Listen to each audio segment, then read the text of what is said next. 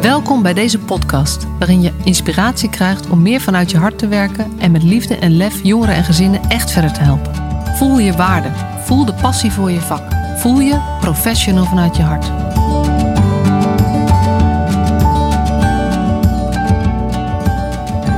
Welkom weer bij deze nieuwe podcast en vandaag ga ik in gesprek met Nadine Kamer. Zij is trainingsactrice, eh, helpt ook bij trainingen voor jeugdprofessionals. Het is leuk om eh, met elkaar over van gedachten te wisselen. En ze is bezig met het maken van een audiodocumentaire over haar leven in de jeugdzorg. Welkom Nadine. Ja, dankjewel.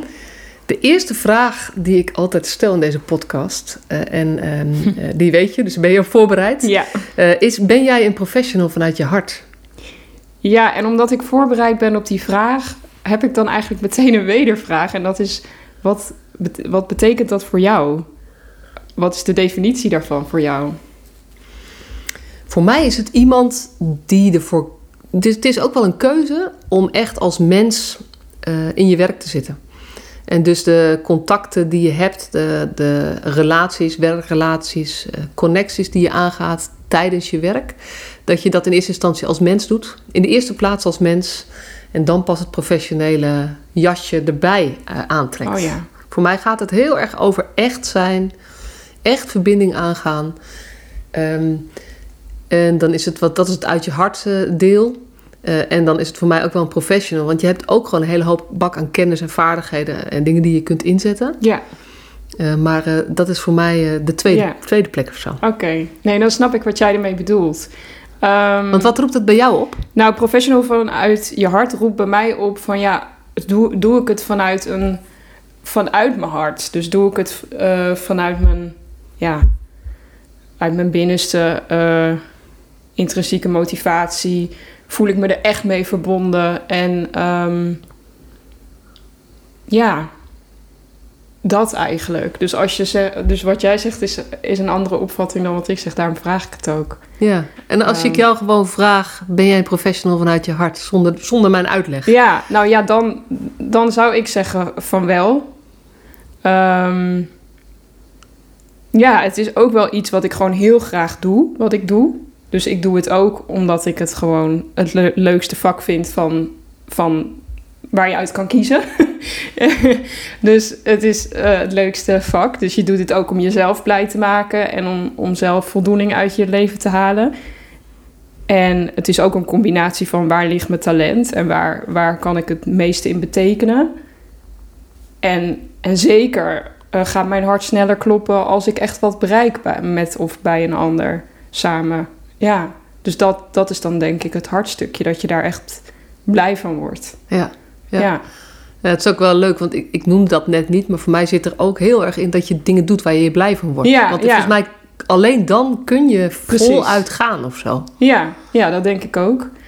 Ik heb uh, allerlei uh, bijbaantjes vroeger gehad en daar werd ik echt niet zo heel gelukkig van. Maar hier verbind ik me aan vanuit, vanuit dat ik dat echt wil. Dus ja, dan zit ik er wel met hart en ziel in. Oh, mooi. Ja. En uh, je bent trainingsactrice. We hebben ook ja. afgesproken, vandaag gaan we het gewoon eerst lekker ja. even over hebben. Ja. En straks over je uh, audiodocumentaire. Ja. Um, en dat is misschien voor mensen een beetje een vaag ja. iets of zo. En ik vind het wel ja. tof dat jij in, de, in deze podcast de gast bent. Omdat er best veel trainingsacteurs ook ingezet worden binnen Zeker. de jeugdzorg. Ja. Maar kan jij eens wat vertellen over wat... Weet je, je bent ook gewoon actrice. Ja. Maar wat is nou specifiek een trainingsactrice? Ja. Um, ja, dat is inderdaad zo dat, dat, dat niet iedereen ten, in, meteen begrijpt wat je dan doet. Het wordt wel eens verward met uh, uh, een lotus bijvoorbeeld, een EHBO-patiënt of nou ja, et cetera. Maar een trainingsacteur um, ondersteunt eigenlijk in een training um, de vaardigheden die deelnemers aangereikt krijgen voor hun professionele ontwikkeling en dat door middel van rollenspel. Dus als je je voorstelt, um, je zit in een jeugdzorgtraining. Um, ik noem maar een voorbeeld praten met kinderen. Dan heb je de trainer en die begeleidt het hele proces en die reikt de theorie aan. En als trainingsacteur ben je erbij en ben je eigenlijk het, oefen, het levend oefenmateriaal. Zo noemen wij onszelf vaak als trainingsacteurs. Wij zijn levend oefenmateriaal. En je kunt uh, eindeloos uitproberen, um, uh, op, op knoppen drukken en ons zo kneden hoe jij wilt dat we zijn. En eh, zodat wij in dienst staan van jouw, eh, ja, jouw leerproces. En ehm, vervolgens krijg je feedback ehm, ook op een ander niveau. Want van, je, van de trainer krijg je vaak feedback over, ook inhoudelijk. Van nou, denk hier aan volgende keer of dit ging heel goed. En, ehm, maar, en van de acteur krijg je feedback vanuit de beleving. Van ik heb me heel erg gehoord gevoeld. Of ik, toen jij dit zei, toen voelde ik me zo gezien. Dat werkte zo prettig. Of juist andersom. Hè. Toen je dit zei, toen escaleerde het helemaal. Want dat viel zo verkeerd. Dus dat is een, het is eigenlijk een verdiepende een verdiepend aspect in een training. En daardoor ja, gewoon super waardevol om dat erbij te doen. Ja. En als je zegt van vanuit de beleving, ben ik benieuwd, is dat dan hoe Nadine het beleeft? Um, of word je echt een soort van, ja, ik weet niet ik mag noemen, een alter ego ja, of zo? Word, ja. je, word je eigenlijk dat kind ja. die dat rollenspel doet, zeg maar? Of, of blijf je ook Nadine in je beleving? Nou, als trainingsacteur moet je je helikopterview wel behouden. Dus ik, ik, ik, schiet soms, dat is omdat ik acteren ook zo leuk vind, schiet ik soms iets te veel in mijn rol. En ik, oh, ik, ben, ik vergeet helemaal mee te kijken vanuit mijn helikopterview. Maar hoe meer je getraind wordt in dat vak, hoe meer je die helikopterview erbij houdt. Dus die moet je wel behouden. En in de feedback die je geeft, um, geeft eigenlijk de trainer vaak aan geef dus feedback vanuit gewoon de trainingsacteur. Maar sommige trainers die willen juist inderdaad dat je feedback geeft vanuit je rol. Dus dat is heel anders en vaak ook veel ongenuanceerder. Dus als ik als, als trainingsacteur feedback geef, dan begin ik met een top hè, en dan uh, nou, en een tip. En, uh, en, en als in mijn rol kan je zeggen van, nou, ik vind het vrede, je luistert helemaal niet naar me, weet je wel. Waarom zeg je dat nou? Dus dat is heel anders. En daar wordt af en toe gebruik van gemaakt, maar lang niet altijd. Maar het kan allebei. En wat vind je zelf beter werken? Ik denk dat het beter werkt eigenlijk om het vanuit de rol te doen. Omdat je dan ook uh, nog veel vrijer voelt om, om echt te zeggen wat je echt hebt gevoeld. En, en als trainingsacteur wil je dat enigszins didactisch, en dat wordt ook van je verlangd, om dat enigszins didactisch en opbouwend te doen. Ja. Maar, maar eigenlijk denk je, als je rauw, rauw ja. op, oprecht, authentiek, zou ja. eigenlijk ja, Ervaar je ook dat dat meer impact heeft? Of beter, meer, ja, meer, ja, ja, maar je moet ook kijken naar, naar de deelnemer. Hè? Eh, sommige deelnemers hebben het echt nodig om even een succeservaring op te doen. En vinden het bloedspannend om te oefenen.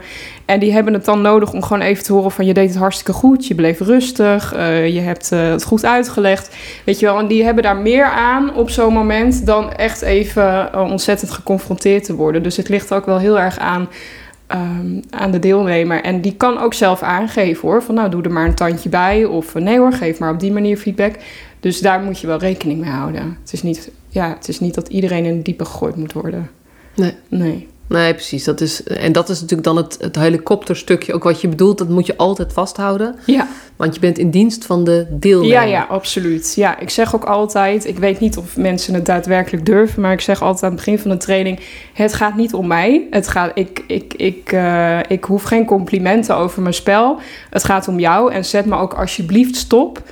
Uh, als, het, als ik niet doe wat, wat jij in je hoofd hebt. Want we kunnen echt pas goed oefenen als ik benader uh, wat jij, nou, die, die ene cliënt of die ene jongere of die ene manager, uh, dat wil ik gewoon zo goed mogelijk benaderen. Dus zet me dan stop als het uh, niet helemaal zo, zo lekker ja, lijkt op wat je mij vertelt. Ja. ja. ja.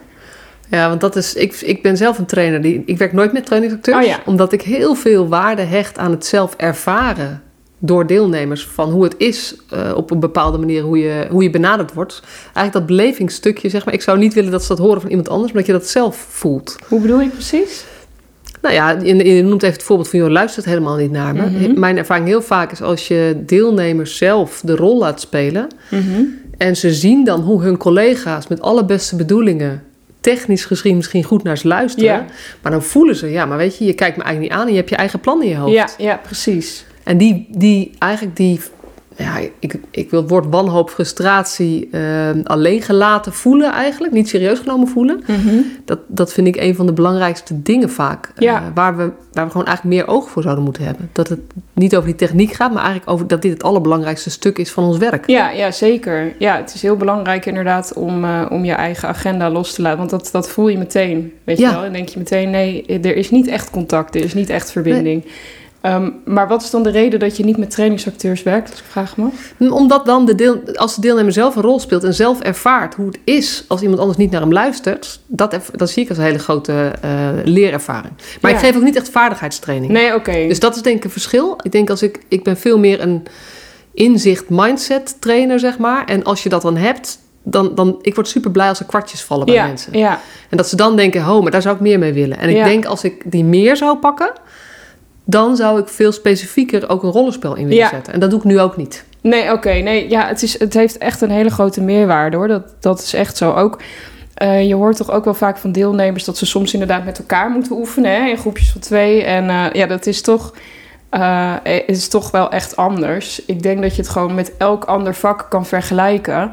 Ehm, ik kan zelf misschien ook wel een muur schilderen, maar ja, ik zal het nooit zo goed doen als een, als een, als een echte schilder, weet je wel. Dus ja, het effect is gewoon daadwerkelijk anders. Ja. ja.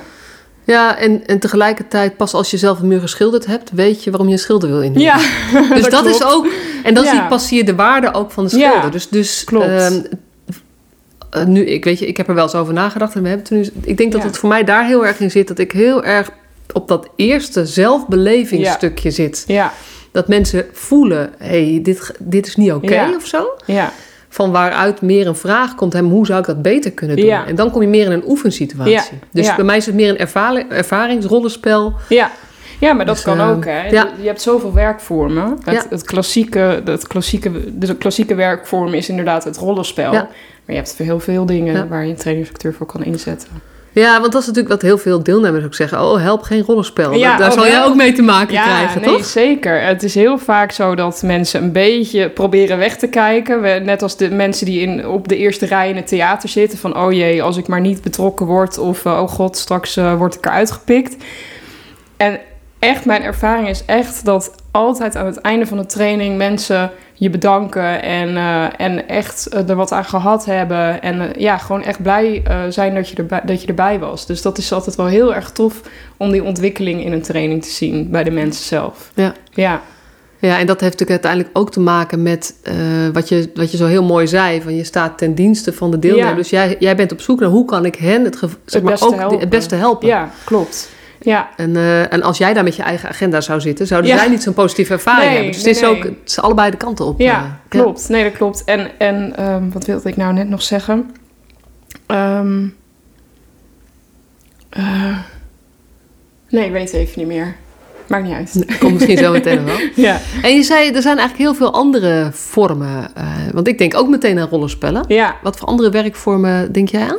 Nou, je kan een trainingsacteur bijvoorbeeld ook inzetten in een carousel. En dat is wat laagdrempeliger. Dus dat betekent eigenlijk dat alle deelnemers meedoen. En dat je hele korte stukjes doet per, per deelnemer. Dus je doet even een paar zinnetjes. Dat ze heel even voelen van hoe is dat nou? Zo één op één met een trainingsacteur. En hoep, ik ben weer weg naar de volgende.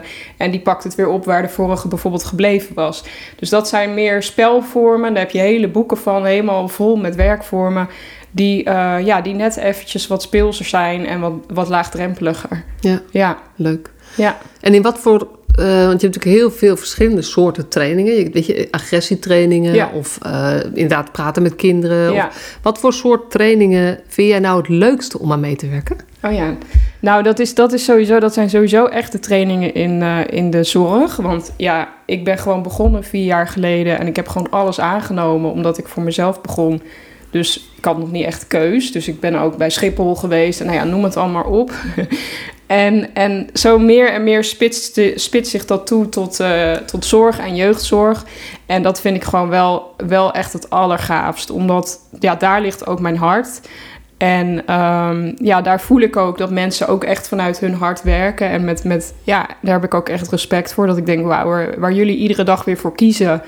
Ja, dat vind ik echt bewonderingswaardig. Zoals mensen die, eh, die elke dag eigenlijk weer naar de TBS-kliniek gaan om te werken. En eigenlijk elke dag weer een stukje gevaar opzoeken. Eh, want het is niet altijd veilig. En toch dat werk eh, doen, dat vind ik echt fantastisch. Net als in de jeugdzorg. En dus dat zijn ook de trainingen waar ik me het meest als een vis in het water voel, zeg maar. En waar ik denk ik ook het meest tot mijn recht kom. Ja. Ja. En heb je dan een bepaald type wat je het liefste speelt? Ja, dat heb ik wel. Want, eh, en dat is eh, hetgene wat het minst gevraagd wordt. Eh, want de meeste mensen willen eigenlijk vaak oefenen met een wat agressief iemand. Want ja, dat is voor de meeste mensen het moeilijkste om mee om te gaan. En dan moet ik echt even heel diep graven. Want dat is iets wat ook niet echt heel erg in mij zit. Uh, dus ik kan het wel en ik verbaas mezelf dan ook iedere keer weer. Want als iemand zegt, ja, ik wil een agressief iemand, denk ik, oh nee, oh nee, oh nee, gaan we weer. Ja. en dan als iemand dan uitlegt, want ik vraag ook veel uit. Hè. Het is niet dat ik het uit mijn duim zuig. Dus dan zeg ik wel van, nou, wat voor woorden gebruikt die persoon? Wat voor gebaren? Uh, wat, en letterlijk, hè, wat, wat doet hij dan, of hij of zij? En dan, nou ja, dan, dan komt het er toch heel erg uit. En dan, uh, ja, dan is het toch weer heel realistisch. Dus zo, het is ook heel grappig hoe dat werkt. En daar heb je ook een heel mooi woord voor, en dat heet fenomenologisch werken. En dat is eigenlijk dat je, uh, ja, dat je gewoon toch voelt, net als bij opstellingen, bij familieopstellingen, dat je toch voel, heel erg voelt van, ja, dit klopt. En daarom kun je ook zo mooi die feedback teruggeven, omdat je toch op de een of andere vreemde manier voelt, dit is wat ik moet teruggeven. En, en, en vaak hoor je dan ook van de deelnemer, ja, dat zei die persoon ook. En dat je denkt, ja, de, ja dat voel ik dus. Ja, en dat is geen gave van mij, maar dat is gewoon hoe, hoe dat, dit soort werk werkt. Ja. Ik heb zelf ook veel ervaring met familieopstellingen, ook Oh, begeleiden en zo. Ja, En ik vind het, als je dat niet kent, is het zo moeilijk uit te leggen. klopt. Maar als je het wel kent, eh, dan weet je, ik snap precies wat je zegt. Want het is op een soort, op een ander energielevel of zo. klopt. Buiten het bewuste. ja, Maar als je daarop gaat opereren en daar durft te zijn, ja, dan, ja, ik weet niet eens wat voor woorden ik moet geven zonder dat het heel vaag wordt. Maar dan, Ja. eh, dan, dan openbaart het zich vanzelf of zo. Ja, ja. klopt. Ja. Ja, en, en ook inderdaad, in het begin had ik dan wel bepaalde eh, impulsen die ik nog achterwege liet als trainingsacteur. Dat je denkt, oh nee, nee, nee, nee. En die heb ik nu helemaal, die, ik, ik volg altijd mijn impuls. En dan zie je dus van, oh ja, dan klopt het dus. Ja, Ja, ja. En durf je dat dan helemaal te doen? ja, ja eigenlijk wel. Tenzij je, weet je, moet je helikopterview erbij houden van, is dit Wat too is much of niet? Ja, Ja, je moet de deelnemer wel ehm, ja, gewoon in het oog blijven houden. Ja. Natuurlijk heb ik ook wel eens dat ik denk, oeh, ik was iets te scherp. Of oeh, Ja. had iets minder gekund. Ja. Ja. En andersom ook van, oh, deze had eigenlijk wat meer aangekund. Ja. Ja. En eh, even terug naar, want wat vind je het leukste typetje? Oh ja, ja. Eh, ja, dat is toch eigenlijk, eh, of het leukst? Ja, het leukst. Nou ja, of weet je hoe je vat hem op zoals jij het wil, hè? Ja, nou, ik denk in ieder geval waar ik het beste in ben, is denk ik de, eh, degene, de, de ingetogen, angstige, eh, waar je niet goed bij kan, waar je echt moet proberen van hoe krijg ik nou contact met die persoon en dat ik daar het, het beste in ben. En het leukst vind ik, denk ik, maar dat, ja, ik weet niet zozeer of ik dat echt in trainingen tegenkom, maar meer gewoon eh, in het acteren zelf, als iets echt lekker ver van me afstaat. Maar dat, dan kan ik al mijn creativiteit erin kwijt. Maar dat, ja, dat kom je in trainingen niet zo heel erg tegen, omdat het allemaal toch heel erg naturel is en heel eh, dicht bij jezelf. Als Ja. trainingsacteur blijf je dichter bij jezelf dan wanneer je echt en gewoon op een andere manier aan het acteren Mm. bent. Is dat wat je bedoelt? Nou, nou ja, ook weer niet helemaal. Want ja, je hebt natuurlijk zo, sowieso heel veel verschillende ook acteerstijlen. En sowieso ben ik een actrice die altijd heel dicht bij zichzelf blijft. Daarom sta ik ook voor de ka of achter de camera en niet... eh, of voor de camera en niet op het theater. Want ja, dat zijn echt twee hele verschillende stijlen. Bij theater moet je overdrachtelijk zijn en je publiek bereiken. En als je voor de camera staat, dan als je met je oog knippert, dan heeft het al betekenis. Dus ik ben sowieso van het kleine en naturelle spel. En ik denk dat dat alleen maar heel erg ten goede komt in, in, mijn, eh, in mijn trainingen. Maar. eh, dus ja, dus als ik zo'n agressief iemand moet spelen, dan, dan staat dat wel heel erg buiten mezelf. Maar ik zal nooit ehm, over de, eh, de overtreffende trap opzoeken, weet je wel. Ehm, een, een andere stem of, of eh, doen alsof je een man bent. Of, nou, weet je wel, dat, je moet wel, het moet wel eh, geloofwaardig zijn. Want anders kan iemand anders daar ook niet in het moment op reageren. Ja, en dat is denk ik wat haakt een beetje aan dat, dat systemische level, zeg Ja, maar. Dat, dat ja. als jij echt, als jij onecht wordt, Precies, dan kan het ook niet meer. Dan Nee. wordt het een trucje. klopt. Nee, en dat, dat, dat, ja, dat zit ook niet eens in mij. Nee. Dus dat, het gaat altijd vanuit een soort naturel iets. Ja. En dat is ook wel, want dat is ook wat ik net wilde zeggen, waar ik even net eh, een stilte had. eh, dat in het begin mensen dan zeggen van... oh, dan moet ik gaan acteren. En dat, weet je wel, dat is juist dus niet zo. En dat zeg ik dan ook van... ik ga straks een rol neerzetten, maar wat jij doet is daarop reageren. Dat that's it. En daardoor reageer ik weer op jou en jij weer op mij. En dan wordt het gewoon een hele interessante interactie waar we gewoon van kunnen leren en waar je dingen uit kunt halen. Dus ga alsjeblieft niet acteren, maar reageer maar gewoon op mij. En, en dat haalt ook een beetje de, ja, de spanning eraf. Van, oh, oké, ik hoef in ieder geval niet uh, met, met een gekke hoed op uh, een toneelstukje te doen. Nee. Nee. nee daar kan je naar theatersport. Ja, Als je dat precies, leuk vindt, kan je lekker precies. naar theatersport Ja, ja, eh, ja, toe gaan. Ja, ja, klopt. Wat overigens ook, daar zit ik nog wel eens over te denken. Oh ja. Ik ben helemaal niet zo van, eh, van het acteren en zo. Vind ik ook heel spannend. Mhm. Maar ik denk wel eens dat theatersport opzoeken om juist te Ja. leren wel die ehm, eh, een stapje verder te Ja. gaan dan dat naturel. Ja, ja, zeker. Dat zou ook wel eens heel leuk kunnen zijn. Dan Kan rek je je- wel je comfortzone op. Klopt, kan je wel wat opleveren, ja. Zeker. Zo heb ik wel eens het advies gehad om een, eh, een, een clownscursus te doen. Om inderdaad even die hele andere kant op te gaan in mijn spel. Ja. Heb je het gedaan? Nee. Waarom niet? ja, dat weet ik niet, omdat ik dat niet voel of zo. Dan denk ik, ja, ik snap het. Ik snap waarom je het zegt. Maar ik, dat past zo niet bij mij. En tegelijkertijd heb ik het ook niet nodig, want eh, wat ik nu doe, dat is ook hetgene juist wat, ja, waarom ik teruggevraagd word. Ja, omdat het zo Ja. naturel is en dicht bij jezelf Ja. blijft, zeg maar. Ja, Ja, ja mooi hoor. ja. Hey, en ehm, eigenlijk iets wat ik niet weet, ik denk heel veel luisteraars niet. Hoe word je trainingsacteur? Eh, nou ja, het is een vrij beroep, hè, dus jij mag ook zeggen dat je trainingsacteur bent. Ehm, heel veel mensen die doen het vanuit, die hebben een acteerachtergrond en die gaan dat ook ineens doen. Waar ik, nou ja, zelf niet zo heel erg achter sta op zich. Of mensen vanuit een, eh, een HR-achtergrond, die al heel vaak met mensen bezig zijn geweest, die ineens denken bij zo'n training: oh, dat is eigenlijk wat ik wil. Ehm, maar je hebt er gewoon opleidingen voor. En eh, je hebt er ook cursussen voor. Je kan een cursus, een dagcursus doen en dan krijg je aan het eind van de dag een certificaat. Eh, maar je kan ook gewoon een, eh, een, een opleiding van een half jaar doen. En dan, eh, ja, en, en ik ben aangesloten ook bij de Nederlandse Vereniging voor Trainingsacteurs. En dan blijf je altijd bijscholen. Dus er worden constant gratis workshops aangeboden. En ook bijvoorbeeld eh trainingsacteren eh, in de psychiatrie. Trainingsacteren met autisme. Trainingsacteren met eh, de- dementie. Nou ja, van alles en nog wat. En dat blijf ik gewoon volgen.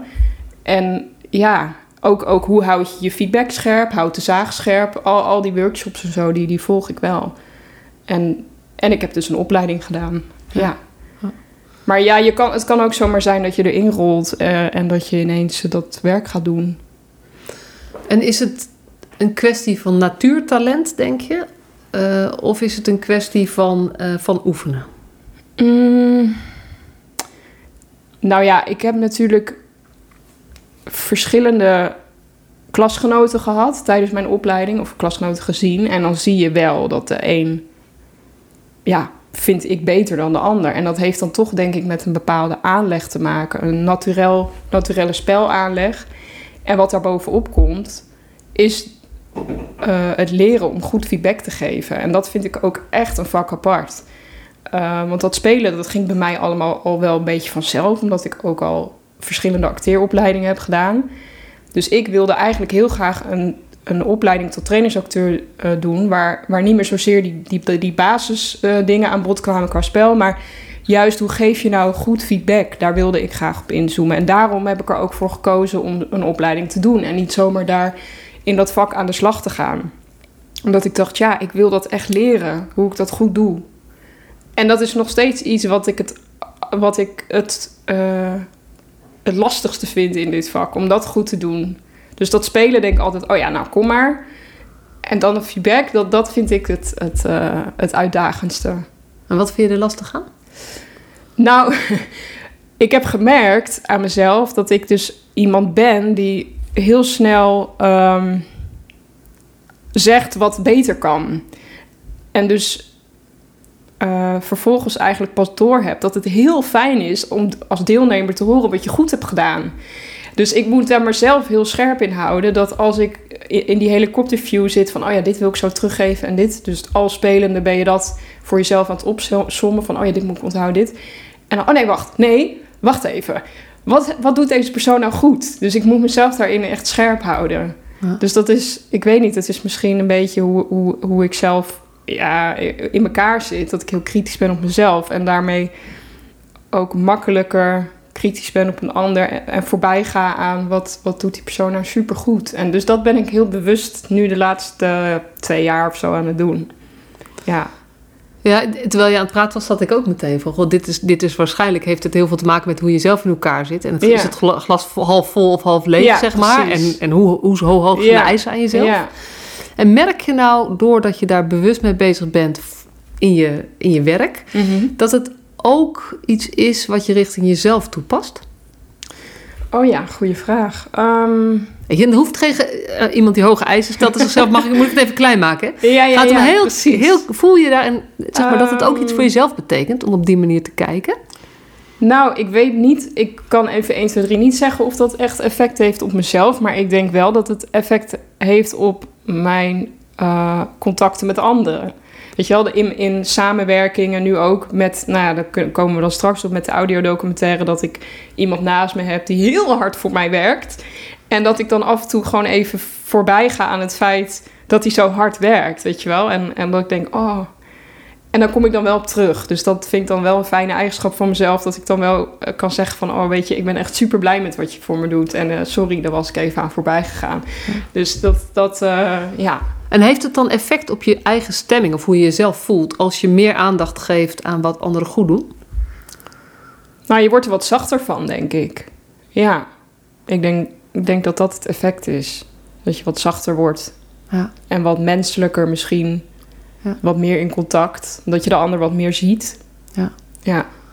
Ja, precies. Dat is wat het in contact betekent. Maar het, is, eh, het fascineert mij ook wel, omdat als je in, in business trainingen zit of zo, eh, gaat natuurlijk ook heel vaak over persoonlijke ontwikkeling. En een van de dingen die ik daar heel vaak gehoord heb, is eh, oefen je dankbaarheid. Ja, ja, ja. Nou, ik sta wel heel dankbaar in het leven, hoor. Ja, Ja, ik, ik heb eigenlijk wel dagelijks dat ik dankbaar ben. Ja. Dus dat, ja, dat had ik al eigenlijk. ja. Maar het is, een- het is een beetje, een, nou, net zo natuurlijk als dat ik al dat spel aanbied. Zo natuurlijk is het dus voor mij om heel, eh, ja, kritisch. Ja weet je, en dat is dan de, om, om eigenlijk gewoon Ja. hele eh, dingen heel goed te willen Ja, hebben. ja, weet je, we kunnen het meteen kritisch noemen. Ja, precies. Het klinkt een beetje negatief, hè? Ja, precies. Maar, maar je, je hebt gewoon hele hoge eisen. Je stelt hoge eisen aan jezelf. En dan kan het niet anders dan dat je hoge, hoge eisen aan je omgeving stelt. Zeker als je met ze samenwerkt. Ja, en ik zit ook te denken, het heeft ook te maken met eerlijk willen zijn. Ja. Eh, en, en, ehm, want ik heb wel eens in een training, dat de trainer geeft ook altijd feedback, dat ik dan denk, hè, maar, ehm, ik denk ook dan in mijn hoofd van, hè, maar dat, maar wat er net gebeurde, dat is toch helemaal niet goed. En dat ik dan achteraf reflecteer met de trainer van, nou, wa- wa- even terugkijkende op dat moment van feedback. En dat de trainer dan zegt, ja, nee, je had helemaal gelijk. Maar ja, je moet ook een beetje opbouwend zijn, weet je wel. En dan denk ik, ja, maar ik weet nou niet zozeer waar die persoon nou echt meer aan heeft. Ik vind eigenlijk ook wel dat ik dan eerlijk mag zijn. En, uh, en tuurlijk wel uh, fijn eerlijk en niet per se afbranderig eerlijk. Maar dat, daar sta ik ook wel weer voor. Dus soms dan denk ik ook, ja, kom op. Iemand kan best wel wat hebben. We zijn niet van suiker, weet je wel. We zitten in deze training om te leren. Ja. Dus daar, dat heeft er ook mee te Ja. maken. Nou, ik geloof er ook wel in. Ik vind zachte heel meestal stinkende wonden. Ja, En ik Ja. vind dat we in onze sector, onze jeugdzorgsector, Ja. zijn we heel goed in heel soft blijven praten. ja, Met ook, uh, nou ja, weet je, dan kunnen dingen kunnen daardoor best wel gaan etteren soms. ja, ja. En uh, ik denk, je hoeft niet alles zo direct te zeggen als jij het misschien zeg maar vanuit nature zou doen. Dus het is best goed om te kijken, wat, hey, hoe kan ik dat wat Ja. milder maken, zodat een ander, het beter aankomt bij iemand anders. Precies. Maar ik hou er ook heel, wel heel erg van om gewoon te Ja. zeggen wat, hoe het is of zo. Ja. En niet mooier te maken. Ja, en soms dan schrik ik ook. Hè, en denk ik, oh, had ik dit wel moeten zeggen? En dan kom ik daar later op terug. En dan is het, nee joh, nee, alleen maar hartstikke goed dat je dat zegt. Dan denk ik, oké, nee, fijn, gelukkig. Dus ja, maar dat is heel erg zoeken. En ja, soms dan zal het misschien niet helemaal heel leuk zijn. En ja... maar maar het is vaak, weet je, kritiek doet eigenlijk alleen maar echt pijn als je zelf eerlijk deep down ook vindt Ja. dat het. Dus wat dat betreft, dus als het raak is. Ja, is het dus ook gewoon ja, ja. En, En, dan heb eh, je gewoon een, een mooi bewustwordingsmomentje, denk ik. Ja. Want dat, daar gaat het denk ik in training het meeste over. Eh, bewust worden van je gedrag of van je communicatie. Non-verbaal doet ook altijd heel veel. zo. Ja. Eh, en dat je, nou ja, dat je volgende dag eh, aan het werk gaat. En dat je dan misschien af en toe heel even denkt: oh ja, die Ja. training. Ja. Ja. Ja, en ehm, ik geloof ook eigenlijk dat als je eerst verbinding zoekt, dus als jij echt daar zit en vanuit jou dat contact legt al, zeg Ja. maar, door je open te stellen en ook Ja. echt je ten dienste van de ander te stellen op dat moment. Anders het proces, niet ten dienste van de ander, maar het proces van de Ja. ander. Ik geloof als die verbinding er is, dan kan je veel- zoveel meer zeggen dan wanneer die verbinding er niet is. Ja. En daar begon jij natuurlijk mee, want dat is hoe je, hoe je, dus dan kan je ook scherper zijn. Ja, nou ja, en ik denk ook wel. eh, Ik heb nog nooit meegemaakt dat iemand zich niet veilig voelde, of dat in ieder geval aangaf. En die indruk, ik denk dat als iemand het niet zegt, eh, maar wel zo voelt, dan zie ik dat ook wel. Ja. Dus in principe is die samenwerking altijd wel heel prettig. Ja. Ja, Ja, en, en ik, ja, ik geloof dus heel erg als je, als je focust op die samenwerkingsrelatie, in wat Ja. voor, net zoals wij hier nu zitten, ja, ja, maar ook als je, eh, als je als trainingsacteur bent, of ook als je als, als eh, hulpverlener met een jongere werkt of met een ouder, dat als je de samenwerkingsrelatie op één zet en zoekt naar hey, hoe kunnen wij verbinden, ja, dan kan je daarna best wel vrij spreken. ja. Rekening houdend met Ja. de ander, maar Ja. wel vrij, zeg maar. Even die Terwijl- basisveiligheid ja, neerzetten. in plaats van dat je gaat nadenken over... Hey, wat kan ik wel zeggen, wat moet ik niet zeggen... wat heeft die ander nu Ja, nodig? Dan ja. ga je zo weg bij jezelf. Ja, maar dat moet, dat moet je er wel bij houden. Ja. Het is allebei. Ja, ja, Ja, ja, precies. Professional vanuit je precies. Juist, dat, Dat- wou ik ook zeggen. hart. Ja, oh echt. Ja, echt. Kijk, dat is het systemisch veld, ja, hè? ja, ja, wat hier klopt. gebeurt. Ja, mooi. Ja, hey, ehm, audiodocumentaire. ja, Want dat is eigenlijk hoe ik met jou in contact ben gekomen ook. ja. Ehm, kan je iets vertellen over wat het project inhoudt? Ja. ik of pro- project is bijna niet eens... eh, dat dekt niet de lading. Dus de audiodocumentaire. ja.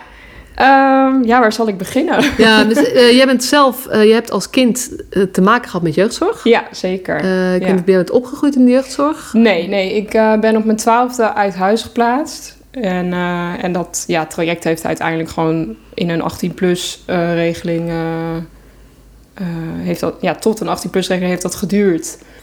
En zo, ja, dus eigenlijk gewoon mijn hele ja, puberteit, kan je wel zeggen... heb ik doorgebracht in de jeugdzorg. Ja. ja. Maar het is daarvoor al begonnen, denk ik. Ja, zeker. Ja, ja, zeker. Ik denk dat eigenlijk kan ik me niet echt een moment herinneren dat, dat het. Kijk, elk gezin heeft natuurlijk eh, wel zijn dingen. Maar ik denk dat het bij ons zeker wel al heel snel. Ja, hoe moet ik dat nou zeggen? Geen stabiele eh, thuisbasis. eh, dat we dat niet hadden. Nee. En is er ook vroeg jeugdzorg bij betrokken geraakt? Mm, nou, ik denk dat de eerste keer dat de. Sowieso heb ik op mijn zeventiende ben ik al naar het RIA gestuurd. Op mijn zevende, zei ik zeventien. zijn 17, Op ja. mijn zevende ben ik al naar het RIA gestuurd. Dus dat is eigenlijk natuurlijk al best wel een grote vorm van eh, hulpverlening. Eh, omdat ik last had van eh, dwanghandelingen en driftbuien. En ja, dat ze dachten van wat is er nou met het kind aan de hand. En dat was ook wel de leeftijd dat mijn ouders net gescheiden waren. Dus ja, achteraf gezien, en dat zie ik ook wel, lees ik ook wel terug in verslagen hoor, dat dat een heel logisch iets is, of tenminste een logische reactie op een eh, ontwrichtende eh, gebeurtenis, dat je ja, ergens probeert controle in terug te vinden. Dat is wat ik heb geprobeerd te doen met, eh, met die dwanghandelingen en ja, die emotieregulatie die gewoon helemaal niet goed ging bij mij. Maar dat heb ik ook niet geleerd thuis. Dus daarin werd ik, kreeg ik op mijn zevende eigenlijk al speltherapie. En op mijn twaalfde eh, kwam er echt, eh, nou misschien op mijn elfde, maar uiteindelijk ging ik op mijn twaalfde uit huis. Ja. ja. En over jouw leven in de jeugdzorg, Ja, zo noem ik het maar even. ja. eh, maak jij, ben, je, ben je nu bezig met het maken Ja. van een audiodocumentaire? Klopt. Ja, het is eigenlijk begonnen bij. eh, ehm, ik ben een trainingsacteur onder andere ook bij de William Schikkergroep. En die hebben eigenlijk in eerste instantie. Nou ja, toen ik vertelde van ik ben ook eh, zelf. eh, nou ja, ik vind ervaringsdeskundige, dat woord gebruik ik eigenlijk liever niet. Ehm, want het is meteen zo'n. Weet je wel, een, een titel. Terwijl ik denk, nou ja, ik heb gewoon veel ervaring in de jeugdzorg als kind. En toen ik hen dat vertelde, toen eh, hadden zij zoiets van... oh, wauw, te gek. En wij maken graag gebruik van, nou ja, ervaringsverhalen.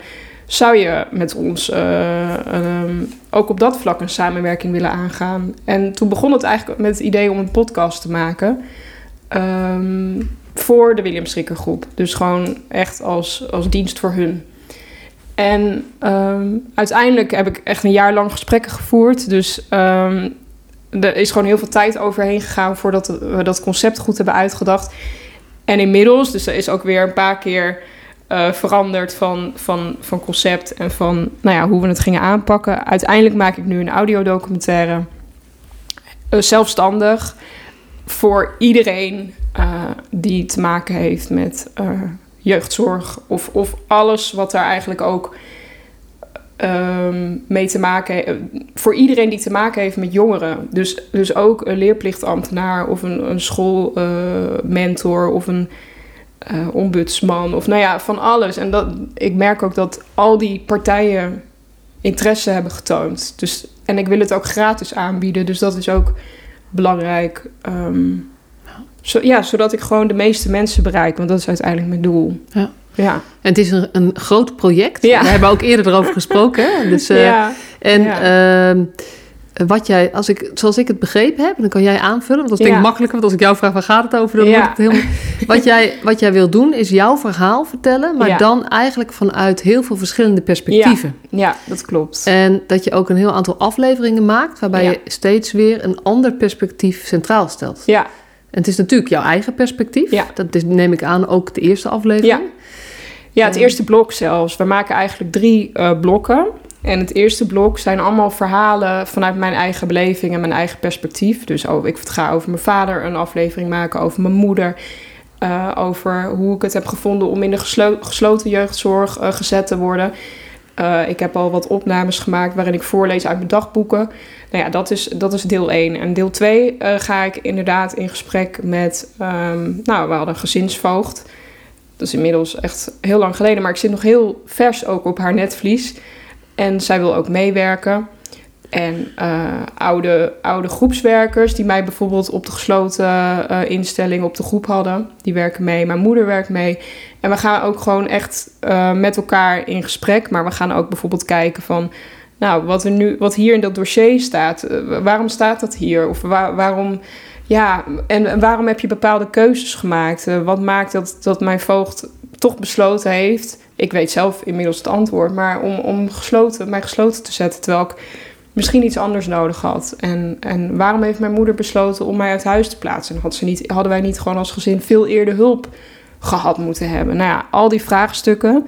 En vervolgens heb je blok drie. Okay, even, want ga, je dan, ga jij in gesprek met al die personen? Ja. Dus ga jij, jij gaat in gesprek, jij stelt eigenlijk vragen aan je moeder. Ja, ja. Dat, is, dat is hoe, je het, uh, ja. hoe, het, hoe eruit ja, komt te zien. Niet, maar zoals het eruit komt te horen. Ja, zeg maar. dat klopt. Ja, dat klopt. En, uh, en wellicht hoor, ik bedoel, we, we, zitten nog steeds in conceptontwikkeling. Maar wellicht gaan mijn moeder en mijn voogd wel een keer met elkaar in gesprek. Weet je wel, dat vind ik ook heel interessant. Ja. Um, maar zoals het er nu uitziet, uh, gaan we dit doen. En um, ja. ja. En dan krijg je nog een deel 3? Ja, in deel 3 gaan we eigenlijk kijken van welke impact heeft het op mijn leven gehad om uh, nou ja, zo'n jeugd uh, te hebben. Dus waar ben ik al die jaren uh, die nu achter me liggen tegen aangelopen? Waar sta ik nu? En in welke mate heeft het mij gevormd? Ja. Ja.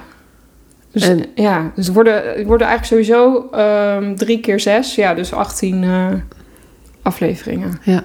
Ja. En daarom is het ook een, een audiodocumentaire in plaats van een podcast. Hè? Want ja. eigenlijk is het een geheel. Ja, het, is, het is een geheel. Het staat niet los van elkaar. Het is één geheel. En wij, ja, we hadden ook op een gegeven moment het gevoel... podcast dekt ook de lading niet. Het is heel, ja, echt iets heel persoonlijks. Het is ook allemaal uh, uh, waar. ja, dus uh, vandaar toch dat, het, dat het veranderd is naar audiodocumentaire. Het dekt gewoon veel meer de lading. Ja. ja. Ja, en het is ook, weet je, deze podcast is heel leuk. Je luistert af en toe zo'n aflevering ja. of je luistert eens eentje niet die je niet interessant ja. vindt. Maar jouw gedachte bij, deze, bij het maken van die audiodocumentaire is eigenlijk... Het, je zou ze allemaal moeten luisteren, want ze horen bij elkaar. Ja, zeker, ja. En tegelijkertijd produceren wij het ook weer op zo'n manier... dat het dus makkelijk ingezet kan worden binnen trainingen.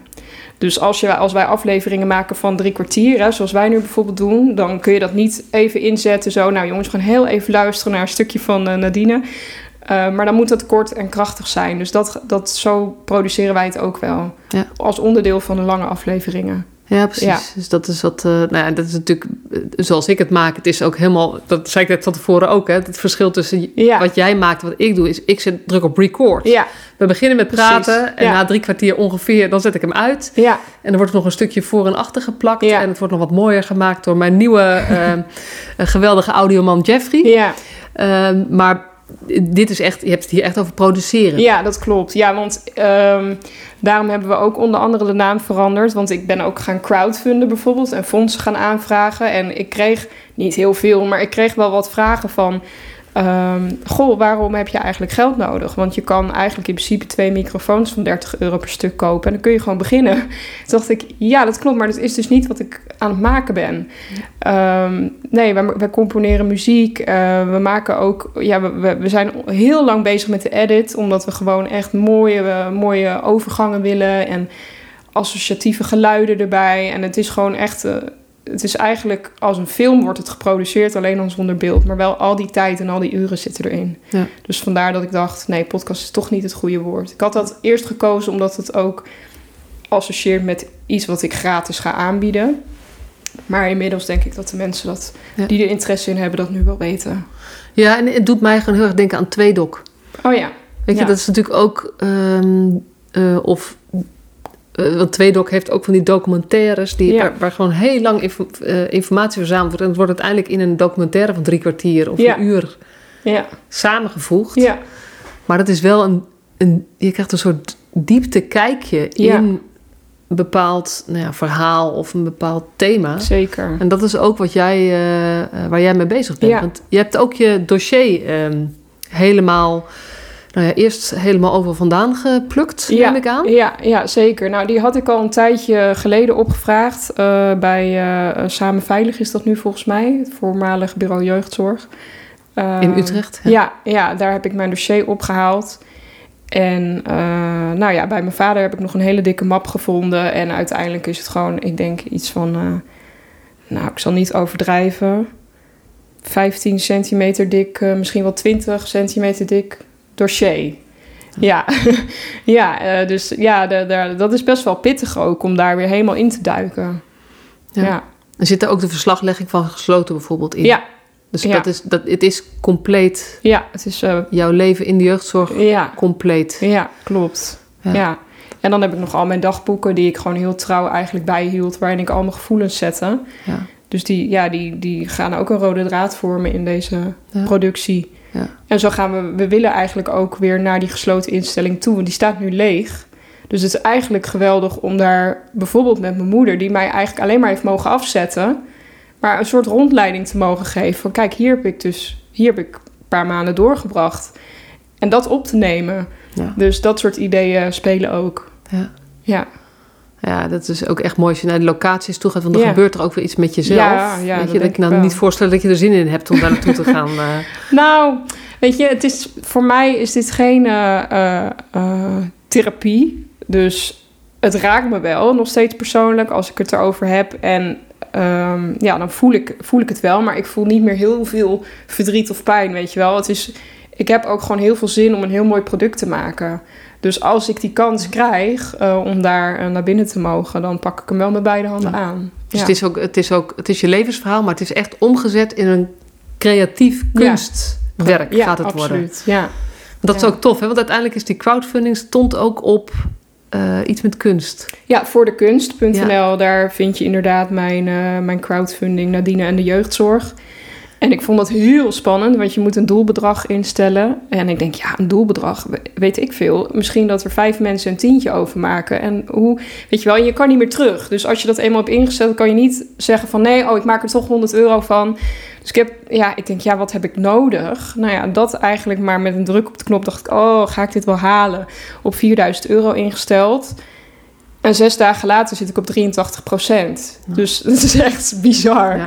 En nooit verwacht, maar echt niet. Dus ja, dat geeft ook wel aan dat mensen heel graag willen dat dit er gaat komen. En je wilt dat geld ook vooral gebruiken om mensen te betalen eh, Ja. om dit Ja. met jou te maken. Ja. Niet zozeer voor jezelf. Nou ja, ik ben heel eerlijk, ik maak ook uren. Ik ben eh, ZZP'er, dus ik, ik maak heel veel uren voor dit project. Het is echt mijn kindje natuurlijk, dus dat gaat eigenlijk dag en nacht door. Er moet ergens wel een soort van eh, ehm, een minimale vergoeding tegenover staan. Ja. Maar het is niet dat ik hier eh, eh, dik aan verdien of zo. Nee, maar van 4000 euro kan niemand vinden dat Nee. je dik verdient. Zeg Nee, maar. nee, dus dat precies. bedrag op zich al is. eh, ja, ja. ja. klopt. Hey, en wanneer kan je al iets zeggen over wanneer we iets kunnen verwachten? Of, want het is wel grappig, hè? ik weet dat je je daar ook een beetje lullig over voelt. Dat je denkt, ik heb het zo met zoveel bombardie aangekondigd Klopt, en nu horen mensen niks van mij. klopt. Ja, ik vind dat heel, heel spannend. Want in de zomer zette ik een bericht op LinkedIn... wat helemaal eh, booming eh, werd en, en, bijna 100.000 mensen heeft bereikt. En ik vroeg daarin, in dat bericht van wat... waarmee kan ik jullie helpen in mijn... In mijn eh, nou, toen was het nog podcast... Ehm, weet je, een vraag aan jeugdhulpverleners van wat zouden jullie willen dat ik ga beantwoorden in mijn product. Nou, echt heel veel vragen gekregen. En dan wil ik ook leveren, weet je wel. Dat heb ik een soort plichtsgevoel van, nou oké, nu moet het, moet, moet het ook gaan komen. En daar, daar zijn nu inmiddels maanden overheen gegaan. En ik ben altijd dan bang dat mensen afhaken of dat mensen verlies. Of dat mensen denken, nou laat maar. Oh, we wisten niet dat ze eerst heel veel geld ging vragen. Weet je wel, dat er een soort tweede agenda toen al achter zat. Maar dat was helemaal niet zo. Dat is zo gegroeid. Ehm, dus ja, dat vind ik heel spannend. En nu kan ik eigenlijk nog steeds niet zeggen van wanneer komt nou echt de eerste aflevering. Maar ik hoop wel echt in januari. Ja. Ja, dat is wel echt mijn streven. En dat is ook het streven van Thomas, die, die ook via LinkedIn, ook via dat bericht op mijn pad is gekomen. En waardoor we eigenlijk dit hele proces zo hebben uitgestippeld zoals het er nu staat. Dus dat is al- allemaal in de afgelopen paar maanden gebeurd. En hij remt mij af en toe ook af. Dan zegt hij: Nee, joh, je hoeft niet bang te zijn dat je mensen verliest. Doe maar even twee stappen achteruit. We gaan het rustig aanpakken. We gaan dit doen en we gaan dat doen. En we gaan het goed uitdenken van tevoren. En dat vind ik lastig, want ik ben best wel iemand van het gas erop. En, eh, en ja, dus, eh, maar zijn streef is ook januari. Dus ik denk als ik dit hardop zeg, dat ik niet. eh, Dan zeg ik gewoon, we vertalen het naar eerste kwartaal. ja, ja, ja, ja, precies. En waar wij het ook nog over hadden, weet je wat, wat- ook nog een, een, een vraag is van, ga je alles eerst maken? Ja. Of ga je, dus, dus ik weet dat je daar ook nog over aan het Ja, nadenken bent. dat klopt. Dus eh, we maken gewoon van nou eerste kwartaal 2021. Ja. ja. En eh, deze podcast komt eind december online. oh ja, nou, wat een perfecte dus, eh, timing. Het is hartstikke leuk, mensen weten dat. Ja. Van, als ze jou nou willen volgen en die pod, eh, en, nee, en een audiodocumentaire willen volgen, waar kunnen ze dan het beste naartoe gaan? Ja, nou, ik heb eh, een website nu. eh, of tenminste, ik had al een website, nadinekamer.nl, voor, vanwege mijn eh, acteren en mijn trainingsacteren. Maar nu slash, moet ik het goed zeggen, jeugdzorg, waarin het hele project wordt uitgelegd. Je kunt je dan ook op www.nadinekamer.nl slash audiodocumentaire kun je inschrijven voor de nieuwsbrief. Dan hou ik je op de hoogte van wanneer er dus daadwerkelijk iets online staat. En af en toe stuur ik een brief eruit van eh, wat ik allemaal aan het doen ben achter de schermen. En ja, ik heb LinkedIn eigenlijk, waar ik heel veel eh, op post. En ik heb nu, nu ook een kleine Instagram, Nadine Kamer, eh audiodocumentaire. Ja. En zo ik eigenlijk, ja, ben ik zo een beetje bezig. En mijn, en mijn teaser staat op Soundcloud. Ja. Ja, En je podcast, nee, sorry, je audiodocumentaire, ik moet echt mezelf Ja, even ja, ja. verbeteren. snap ik. Die eh, eh, komt ook straks op Spotify te staan. Ja, nou dat was wel het eerste idee om dat inderdaad op al die kanalen te zetten. Maar ik wil eigenlijk ook heel graag een eigen platform. eh, en daar is natuurlijk ook weer, zijn ook weer financiën voor nodig om een eigen platform maken waar dat gewoon te, te, te beluisteren is. Dat lijkt me ook wel gewoon heel gaaf.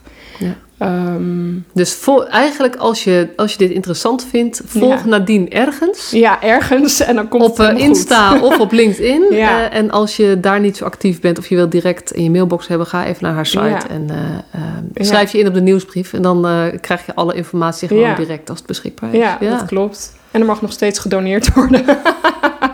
ja. En misschien niet meer hè, als deze online komt. Je weet het niet. nou, je mag er altijd overheen. Hè? Je Oh, mag ja, er niet onder, maar je mag er wel overheen. Precies, Ja. ja. Hey, we zitten, de tijd zit op. Ja, Dus ik ben eigenlijk benieuwd, is er iets wat je nog zou willen toevoegen? eh, of eh, ben ik iets vergeten te vragen? Ja, nou, ik zat er net over na te denken. Toen schoot er weer iets door me heen. Ehm, maar die is nu weg. Nee, ik, ik weet het niet. Nee, ik denk het niet. Nee, Nee, ik denk, en als het me te binnen schiet, dan ben ik gewoon lekker te laat. het te laat, precies. Laat los, die hoge eisen. Het is ja, gewoon precies. goed zoals het is goed zoals het is, ja. Het is ja. goed zoals het is. Alles is goed zoals het is. Ja, precies. Super, dankjewel dat Ja. je mijn gast wilde zijn. Ja, ik vond het onwijs leuk om te vertellen over eh, het vak en over mijn product. Ja, Ja, heel veel succes met eh, alles eh, wat je aan het doen bent op alle gebieden. dankjewel. Superleuk dat je weer luisterde naar deze podcast. Dankjewel. Nog even kort een paar belangrijke dingen. Ten eerste, het is mijn missie dat de jeugdhulp weer een sector wordt waarin bevlogen, liefdevolle professionals jongeren en gezinnen echt verder helpen. Daarom maak ik deze podcast voor jou. Wil jij deel uitmaken van deze beweging van Professional vanuit je hart, waarin professionals elkaar steeds opnieuw inspireren? Begin dan met het lezen van mijn boek. Je kunt de eerste hoofdstukken helemaal gratis lezen. Ga naar professionalvanuitjehart.nl slash boek. Ten tweede, wil je alle podcastafleveringen overzichtelijk onder elkaar? Abonneer je dan op deze podcast. Klik in je podcast-app op de button subscribe of abonneren. En elke keer als er een nieuwe podcastaflevering gepubliceerd wordt, ontvang je automatisch een berichtje.